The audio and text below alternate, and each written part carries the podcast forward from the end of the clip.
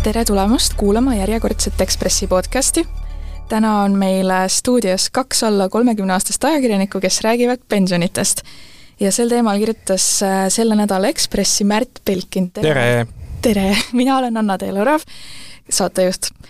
Äh, Märt, sinu loost selgub, et äh, eestlastel on rahaga ikka väga halvasti, et enamikul Eesti inimestel on pensioniraha alla kümne tuhande euro kogunenud ja sealjuures üle neljakümne aastaste keskmine ongi kümme tuhat eurot, et äh, selgita, et miks see nagu halb on, et inimestel nii vähe raha on, et ma saan aru, et keskmine, keskmiselt ollakse pensionil ju mitu aastat, ma ei tea, kümme, viisteist, et selle ajaga peaks siis ainult sellest rahast ära elama või?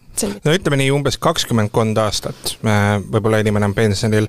Ja, ja äh, need säästud on väikesed ja eriti just nendel keskealistel inimestel ja see on päris suur probleem. sest et kui sa oled kuskil seal nelikümmend, nelikümmend viis, siis sa peaksid olema oma sissetulekute tipus. ehk siis äh, see peaks olema umbes see aeg, kui sa oled karjääris jõudnud äh, umbes tipppunkti ja, ja saamagi kõige suuremaid sissetulekuid ja selleks ajaks sul peaks olema jooksvalt nii-öelda sissetulekud tõusnud, aga me kahjuks näeme sellist asja, et äh, näiteks praegustest neljakümne kuni neljakümne viie aastastest on veerandil, veerandil on alla kolme tuhande euro. ja põhimõtteliselt see tähendaks seda, et äh, kui nad järgmise kahekümne aastaga enne pensionile jäämist, isegi kui nende vara kolmekordistuks, siis see, mis nad saavad, on umbes kolmkümmend seitse eurot kuus. ja see on äh, päris nutune lugu ja see on siis lisaks sellele rahvapensionile, on ju? No, jaa, see on, see on teises kakskümmend eurot või? jah, äh, see on äh, see, mis on teises sambas, jah mm. -hmm. ja öö, olukord on mitut pidi kehv, et ilma teise sambata on asi veel halvem, sellepärast et äh, nagu Äh, ma siin loos ka kirjutan, siis äh, häda on selles, et äh, noh, lapsi sünnib vähe ja meil ei ole lihtsalt väga palju maksumaksjaid ja esimese samba peale ehk siis riikliku pensioni peale lootma jääda, noh, ei ole kõige parem mõte tõenäoliselt. et kui sul üldse sääste ei ole, teist sammast ei ole ja ei ole ka kolmandat, siis pilt on päris, päris nukker Äh, investor ja miljonär Kristi Saare juba jõudis sinu lugu Instagramis kiita ja teda jälgib seal kümneid tuhandeid eestlasi, peamiselt naisi, ja Saare on julgustanud inimesi oma pensionifonde nii-öelda korda tegema.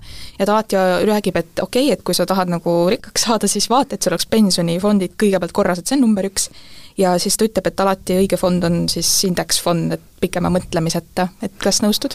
Äh, jaa, ühesõnaga mis on siis vahe erinevate pensionifondide vahel, on see, et osad pensionifondid on aktiivselt juhitud, see tähendab seda, et äh, finantsspetsialistid istuvad kontorites, mõtlevad äh, aktiivselt selle peale, et kuhu raha panna, kuidas siis raskel ajal, noh, kui on kriis näiteks vara kaitsta või heal ajal, kust suuremat tootlust teenida. noh, võivad olla aktsiad, võivad olla mingisugused ettevõtted, võivad olla kinnisvaraprojektid, äh, mis iganes, põhimõtteliselt anything goes enam-vähem. Äh, ja nendele vastanduvad äh, passiivsed fondid, mis on enamasti indeksifondid, mis investeerivad lihtsalt börsiindeksitesse, ehk siis järgivad seda, kuidas turul läheb. enamasti USA turgudel, võib-olla natuke tsipa on seal ka Euroopat. ehk siis see, et kuidas aktsiaturgudel keskmisena läheb. ja indeksifondide eelis ongi see, et äh, headel aegadel, kui turud tõusevad, siis saabki kogu tõusu oma fondi Äh, muidugi see nii-öelda negatiivsem pool seal on see, et äh, kui turud langevad, siis ka sinu fond langeb. aga siinsamas loos ma tegelikult toongi välja äh, päris huvitavaid graafikuid, vähemalt minu jaoks on need huvitavad, ma usun, et lugeja jaoks ka. Minu jaoks olid väga huvitavad jah, mul on ka paar küsimust selle kohta just, just, aga ühesõnaga äh,, siit tuleb minu arust üsna pehmelt välja, et vähemalt praegu see tõus, mida teevad indeksifondid, on äh, tõus, mida sa tahad saada. ja see on tõus, millele vähemalt Eesti aktiivsed fondid seni ei ole ligilähedalegi saanud. ja jah, äh, langusperioodil, tõsi küll, oli ainult väikene langus siin, äh, siin kaks tuhat kakskümmend üks lõpus, aga langusele on aktiivsed fondid suutnud küll paremini vastu panna, muidugi, aga samas mitte niivõrd veenvalt, et see headel aegadel kogutud, vähem kogutud nii-öelda tootlus äh, selle pildi kergemaks ja helgemaks muudaks.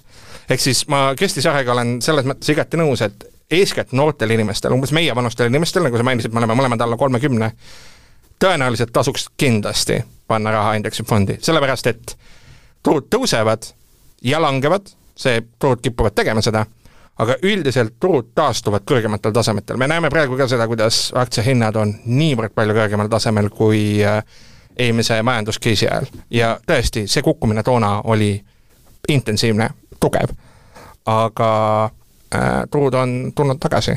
Ja me näeme tõenäoliselt enne seda, kui me pensionile jääme äh,, mis tõenäoliselt ikkagi kunagi juhtub lihtsalt mitte väga vara äh,, siis me näeme kindlasti seda, et äh, majanduskriisi tuleb veel nad võivad olla päris karmid, aga tuleb ka tõusuaegu. ja äh, nagu mu loos äh, pidasin siin nõu ka äh, äh TalTechi teadlase Triinu Tapperiga äh,, kes uuriski, kes on uurinud investeerimisfonde äh, Äh, üleüldse Kesk- ja Ida-Euroopas. ja tema soovitus on see, et kuskil seal kuni viiekümnenda, viiekümne viienda eluaastani tasuks omada indeksfondi ja siis sealt edasi võib hakata mõtlema selle peale, et äh, valida kas mõni aktiivne fond või mõni võlakirjafond, mille tootlused on väiksemad, aga mis säilitavad raha väärtust paremini, ehk siis selleks, et nii-öelda äh, raha ei haihtuks siis, kui ootamatul hetkel, just näiteks enne seda, kui see pensionile jääb, tuleb kriis mm. -hmm aga üldiselt see võiks olla see nii-öelda äh, lühike valem. aga neid eestlasi, kuni viiekümne viie aastaseid eestlasi, kellel on raha indeksfondides, on täiesti päris vähe, on ju? Äh, ma hetkel jään sulle vastuse võlgu, sest mul neid andmeid ees ei ole, aga pigem neid äh, jah, ülemäära palju ei ole, tõsi küll, indeksifondid on populaarsed, ega Swedbanki nii-öelda elutsüklifondid on populaarsed äh, Swedbankil on see nii-öelda kolmas valik, et Swedbank pakub selliseid fonde, kus justkui sinu elukaare järgi investeeritakse. ehk siis, kui sa oled noor, siis su raha lähebki indeksitesse ja teenid suuremaid tootlusi ja siis vaikselt hakkab pilt muutuma konservatiivseks. Triinu Tapper ütleb, et võib-olla jah, aga kehv võib olla see, et nad muutuvad liiga vara Äh, konservatiivseks, ehk siis noh, natuke liiga, natuke liiga vara hakkavad, hakkavad, hakkavad mm. võtma seda riski mm -hmm. maha. Ja, ja teiseks jah, äh, muidugi elutsüklifondidel on see risk, et äh, kuna sa oled neile sisse läinud, siis põhimõtteliselt võib teenusepakkuja Swedbank igal hetkel tasusid tõsta mm -hmm. sul fondis Äh, sa mainisid, et äh, neljakümne, neljakümne viieselt võiks nagu ideaalis olla, on ju, karjäär niimoodi tipus ja sissetulek kõrge, aga samas sinu loost jäi silma huvitav asjaolu, et noorematel eestimaalastel on üldiselt ikkagi suurem palk kui vanematel, ehk siis kahekümne kaheksa aastane saab keskmiselt rohkem palka kui neljakümne kaheksa aastane. see on, see on kusjuures hästi huvitav asi ja tõesti, tõesti äh, need graafikud on ka siin loos olemas. sellega on selline lugu, et me oleme harjunud mõtlema võib-olla võitjate põlvkonnast, eks ju, kes on põhimõtteliselt meie vanemad, minu ja sinu vanemad mm. -hmm. Need, kes üheksakümnendatel olid äh, edukad jah, meil on, meil on tekkinud palju ülirikkaid inimesi Eestisse just nimelt sellel perioodil. aga tegelikult selles mõttes on iga põlvkond võitjate põlvkond, et äh, kipub paika pidama see, et noored teevad vanematele ära. et iga põlvkond tegelikult teenib rohkem kui eelmine. ja sellepärast on ka kogu see pensionilugu äh, ütleme, asi, mis võiks teha inimesed murelikuks, sellepärast et praegused pensionärid, kes lähevad pensionile, nende äh, keskmine sissetulek, nende sissetulek ei ole äh, ülemäära kõrge, tingimata ei pruugi olla ja see tähendab seda, et kui nad lähevad pensionile, ka esimese samba pensionile, siis äh, neil see kukkumine võrreldes pensionisummaga ja palgaga, mis nad said enne pensionile jäämist, ei ole niivõrd hiiglaslik. ta on märgatav, aga mitte massiivne mm. -hmm. aga kui mõelda, kui palju on kasvanud palgad, ütleme, kui palju kõrgemad on meie, meieealiste palgad või praeguste keskealiste palgad, keskmisena vähemalt, võrreldes nende inimestega, kes praegu jäävad pensionile siis seal see lõhe on juba hullem. ja muidugi võib öelda, et aga pensionid tõusevad ja tõusevadki, aga kui, kui pensionid tõusevad niivõrd suures määras, siis see tähendab seda, et kuskilt see raha peab tulema, mis tähendab seda, et olukorras, kus meil maksumaksjaid jääb üha vähemaks, sellepärast et äh, vanemad põlvkonnad järjest lähevad pensionile ja noori väga palju peale ei sünni, siis äh, on tulevikus noh, ütleme mõnekümne aasta perspektiivis on väga-väga suur murekoht, see, et äh, kuidas äh, ellu jääda ehk siis, et seda ennetada, siis äh, kõigile inimestele peaks jutlustama, et et kui uuesti, need, kes on raha välja võtnud teisest sambast, et siis tingimata näiteks kolmandaga liituda, on ju, vähemaltki, et midagigi oleks äh,. No tähendab, kindlasti võiks olla investeeringuid ja sääste, jah, ja kolmas sammas üleüldse on asi, mille peale inimesed võiksid mõelda. et traditsiooniline soovitus, mida jagatakse, ka Kersti Saare, kui ma ei eksi, jagab seda, on see, et asjad, mis sul peaksid kindlasti olema, on esiteks mitte ühtegi kiirlaenu, ehk siis need võib ära maksta kohe. Äh, see on nagu prioriteet. siis äh, koguda endale nii-öelda meelerahufond või noh, sääste, mida sa saad jooksvalt kasutada selleks, et äh, elumured ei räsiks ja selleks, et siis, kui tuleb mingisugune kriis, me kunagi ei tea ju neid yeah. isiklikke kriise ette, et siis sa ei peaks minema oma investeeringute kallale ja oma kolmanda samba kallale või näiteks. kiirlaene võtma, on ju. või kiirlaene võtma mm, -hmm. mis oleks kõige halvem variant. ja siis on tõesti, järgmine variant on kolmas sammas. ja kolmas sammas on, kolmandas sambas saab ka indeksitesse paigutada äh,, nii LHV kui Tuleva kaudu kindlasti, võib-olla on neid pakkujaid veel, ma hetkel ei oska peast öelda äh,, saab ka aktiivsetesse panna, kui see on äh, kuidagi huvipakkuvam ja mis on kõige olulisem, on see, et kolmandast sambast saab tagasi teatud piirini, mis äh, enamike inimeste jaoks ei ole relevantne äh,, saab tagasi tulumaksu kakskümmend protsenti. no miks see enamike jaoks relevantne ei ole äh,? No see on päris kõrge summa äh, aga näiteks mina, kui ma olen pannud nagu mõnikümmend eurot, siis ma olen jumala õnnelik, et me saamegi kolmkümmend eurot tagasi. no just, just ma mõtlen lihtsalt, et see piir, millest alates enam äh, maksu tagasi ei saa, on, on, on päris kõrgel, ehk siis äh, äh sinna maksim-. nii paljusid, nii suurt summat, see on vist kuus tuhat eurot aastas minu teada, et nii suurt summat panevad ikka üsna vähesed just, just, see oli see mõte mm. -hmm. see tegelikult sõltub su, su palgast äh,, palgast või siis äh, mhm. kas viisteist protsenti palgast või siis just, kas viisteist protsenti palgast või, või maksimumsumma, jah. jah just. Äh, aga ma tahaks sellest äh, graafikust veel välja tuua, et äh, see on natuke kõrvalpõige, ma ei tea, võime korraks spekuleerida, et, ähm, et nooremad saavad rohkem palka kui vanemad, aga ka palgalõhe on nooremate hulgas suurem kui vanemate, palgalõhe taandub, kui inimesed jõuavad nelja-viiekümnendatesse see on põhimõtteliselt küll jah, fenomen, mida, mida sa saad märgata. ta, ta taandub veidi väiksemaks, aga, aga aga on ikkagi olemas tugevalt. aga huvitav, et miks ta alguses nii suur on siis? uurimisteema äh, meile võib-olla äh,. jah äh,, noh, selle põhjuseid muidugi on natuke keeruline hinnata, no tähendab, kui sa vaatad, siis näiteks kõrgema sissetulekuga inimeste puhul on näha, et keskealiste suur, juures seal umbes kolmkümmend kuni viiskümmend vahemiku juures on need käärid hiiglaslikud tegelikult mm. -hmm meeste ja naiste vahel ja just kõige kõrgemate teenijate seas, aga ka, aga ka madalamate mm. -hmm. no vot, seda teemat võiks mina mingis muus artiklis uurida. aga üks aspekt veel, mis sa enda äh, loos välja tõid, et milles Eestil nagu järjekordselt läheb halvemini kui mujal Euroopas, et äh, need fondide tasud, et mille tõttu sa panid ka siis loole pealkirja, on ju, et raha sulab, tulemust pole et miks siis eestlased neid suuremaid tasusid küsivad kui lääneriigid? no meil on kindlasti selline olukord, et me oleme üsna väike. Äh, üsna väike riik ja meil ongi võib-olla keerulisem asju teha. Äh, osadel fondidel, näiteks LHV mitmetel fondidel, on, nad teevad asju, mis on korraga nii positiivne kui ka küsitav äh, ehk siis LHV investeerib palju näiteks oma L ja XL fondides Eesti ettevõtetesse, rahastab ise kinnisvaraprojekte ja ostab näiteks metsa äh, ja muid äh, sarnaseid äh, asju teeb, ehk siis vaatab asja palju laiemat kui lihtsalt aktsia ja võlakirjad. kusjuures ma rääkisin selle loo tarbeks ka LHV-ga ja, ja LHV ütleski, et tegelikult kõige suurem vale arusaam võib-olla nendest aktiivsetest fondidest on see, et need on hunnik ülikondades mehi, kes viskavad nooli aktsia, aktsiate pihta ja siis mõtlevad, mida valida, et tegelikult äh, see nii-öelda investeerimise plaan on märksa laiem. aga igatahes äh, see, et nad investeerivad näiteks Eestis asuvasse kinnisvarra äh, ja sellistesse projektidesse rahastavad ise mingisuguseid näiteks kinnisvaraprojekte või ettevõtteid, see on ühest küljest positiivne, et elavdab kindlasti Eesti majandust ja aitab ka kohalikust nii-öelda kasust, kasu saada investoril -hmm. kuigi võib-olla vähem kui siis, kui investeerida indeksifondidesse ent samal ajal see kõik nõuab ka raha. Nende tehingute finantseerimine on keerukam, neid peab haldama, kinnisvaraprojekte peab haldama, kulud on, on suuremad.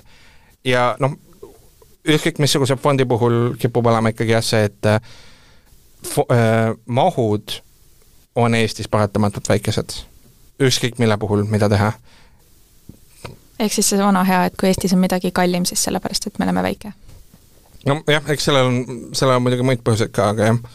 Äh,, ka fondijuhid ei kipu olema just kõige madalama töötasuga inimesed. Ja selles mõttes õige ka, et nagu väärilise töö eest peab saama väärilist palka, aga noh, muidugi siin on natuke see küsimus, et kas töö on vääriline äh, meil ei ole, me, me äh, igaks juhuks kuulajatele nendin, et meil ei ole enam lugu selline, nagu meil oli võib-olla kümme aastat tagasi.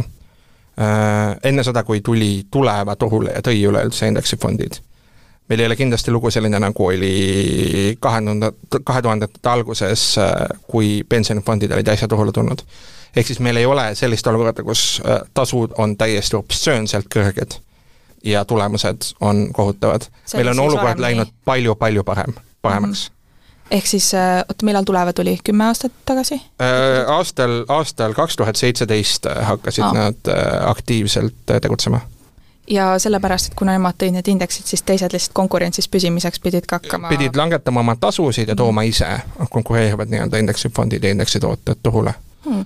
ehk siis see seletab seda, miks siis viimase viie aasta jooksul just nagu noortel on need pensioni, kes on indeksis kogunud, on ikkagi päris suured summad nagu, et kui vaadata ka sinu graafikutest, et et tegelikult kahekümnendates inimestel oli ikkagi ju paremini, on ju, üldiselt või? mitte nagu üldsummas, aga Mm, see on täiesti võimalik ja ma tegelikult vaatlengi siin, siin loos, mu graafikutes ongi toodud sisuliselt äh, tuleva tulemisest äh, saati on need graafikud, need algavad kõik kaks tuhat seitseteist aastast. ehk siis vaatavadki seda perioodi mm, -hmm. kui, kui indeksid on juba turul olnud ehk siis tuleva tulemine on olnud suur teene nagu Eesti mida, inimeste pensioni, jah, põhimõtteliselt küll mm. -hmm. samas näiteks LHV ütleks, et ja ütleb ka, äh, LHV kasutab oma turundusargumendina seda, et neil on kahekümne aasta kõige parem tootlus äh,, ehk siis äh, noh, nad on tegutsenud äh, pikalt, eks ole mm, -hmm. äh, ja nende tootlus äh, on tõesti kõrgem kui teistel fondidel, mis on tegutsenud kauem äh,, aktiivsed fondid siis äh,. Ja väiksem ka indeksifondidel, aga indeksifondid on tõepoolest turul olnud lühemat aega mm, -hmm. mis tähendab seda, et äh, äh nad ei ole nad ei ole, neil, neil ei ole kahekümne aasta tootlust, millest rääkida veel Eesti kontekstis, kahekümne aasta pärast on mm. -hmm.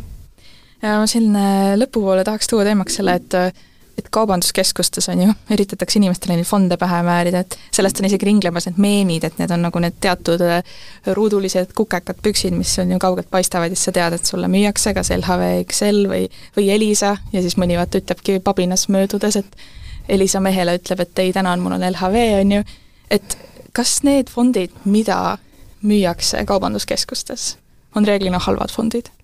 seda öelda ei saa, ma arvan, äh, küsitavad võivad olla äh, müügitaktikad, mida konkreetsed inimesed kasutavad.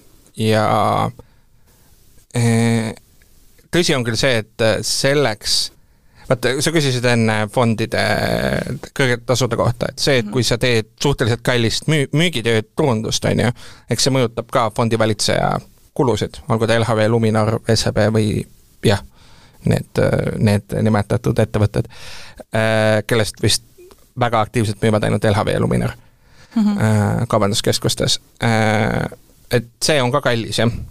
ja indeksifondidel, noh, tuleva ei tule sulle äh, Äh, müüma aktiivselt kaubanduskeskustes, tõsi küll, äh, noh, neil on ka palgal inimesed nagu Kristi Saare, kes äh, peaks olema kogukonna juht seal, kui ma ei eksi.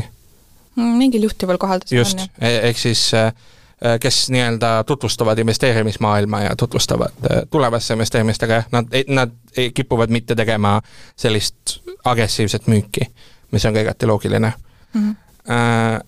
mida ma kindlasti saan soovitada, kui sa oled äh, kas siis pangakontoris näiteks laenu võttes, valinud endale selle panga mingisuguse pensionifondi, või kaubanduskeskuses, siis lihtsalt mine vaata, logi pensionikeskus.ee on see sait see näeb alguses võib-olla natuke ehmatav välja, palju arve ja pilt tundub segane, aga võib ka siitsamast Ekspressi loost kõrvale vaadata, et kuidas teistel läheb mm -hmm. ja, ja, ja võib vaadata, et noh, kas see summa on, on, on sinu jaoks üllatavalt väike, kas see on suur ja kuidas su fondil läinud on.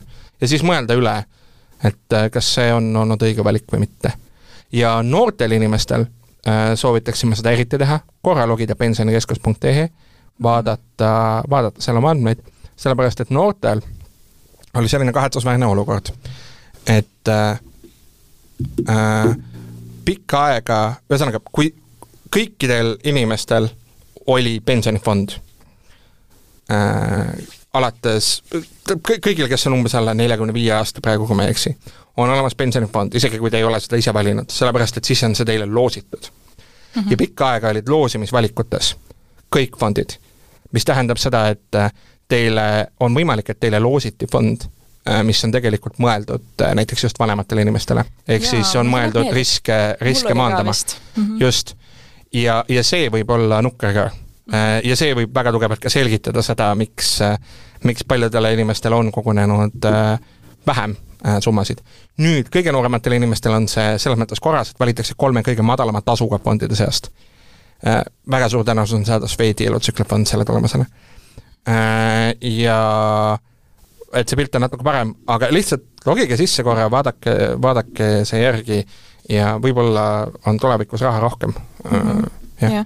ja päriselt see ei ole väga keeruline ei tõesti ei ole, et kui sa selle õige fondi ära valid, sa ei pea mm. selle peale mõtlema ju igapäevaselt, et see ei ole mingisugune aktiivne investeerimine sinu poolt, on ju. just. Et.... ja ma, ma, ma tahan ka öelda seda, et ma, ma, ma saan aru sellest, et et see tundub keeruline. Ja see on ka äh, selles mõttes keeruline, et äh, kui hakata seal süvaanalüüsi tegema tootluste ja kõige muu sarnase mõttes.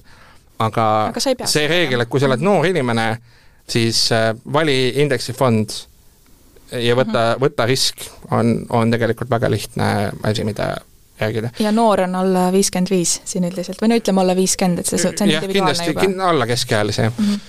jah, ja kahjuks äh, tasub arvestada sellega, et äh, kui sul ei ole teist sammast, kolmandat sammast ja investeeringuid, siis äh, on väga tõenäoline, et äh, Äh, riik sind väga ei aita tulevikus, jah. Et on väga tõenäoline elada absoluutses vaesuses tegelikult siis? kahjuks küll, jah. et isegi mitte suhtelises vaesuses? jah. et vot.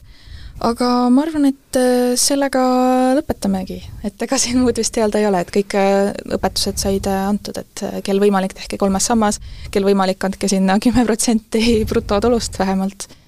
noh, võib-olla mediaanpalgaga on natuke raske selliste toiduhindadega, aga aga proovida ju võib mm. -hmm. vot, aitäh kuulamast, järgmise korrani! aitäh kuulamast, jõudu!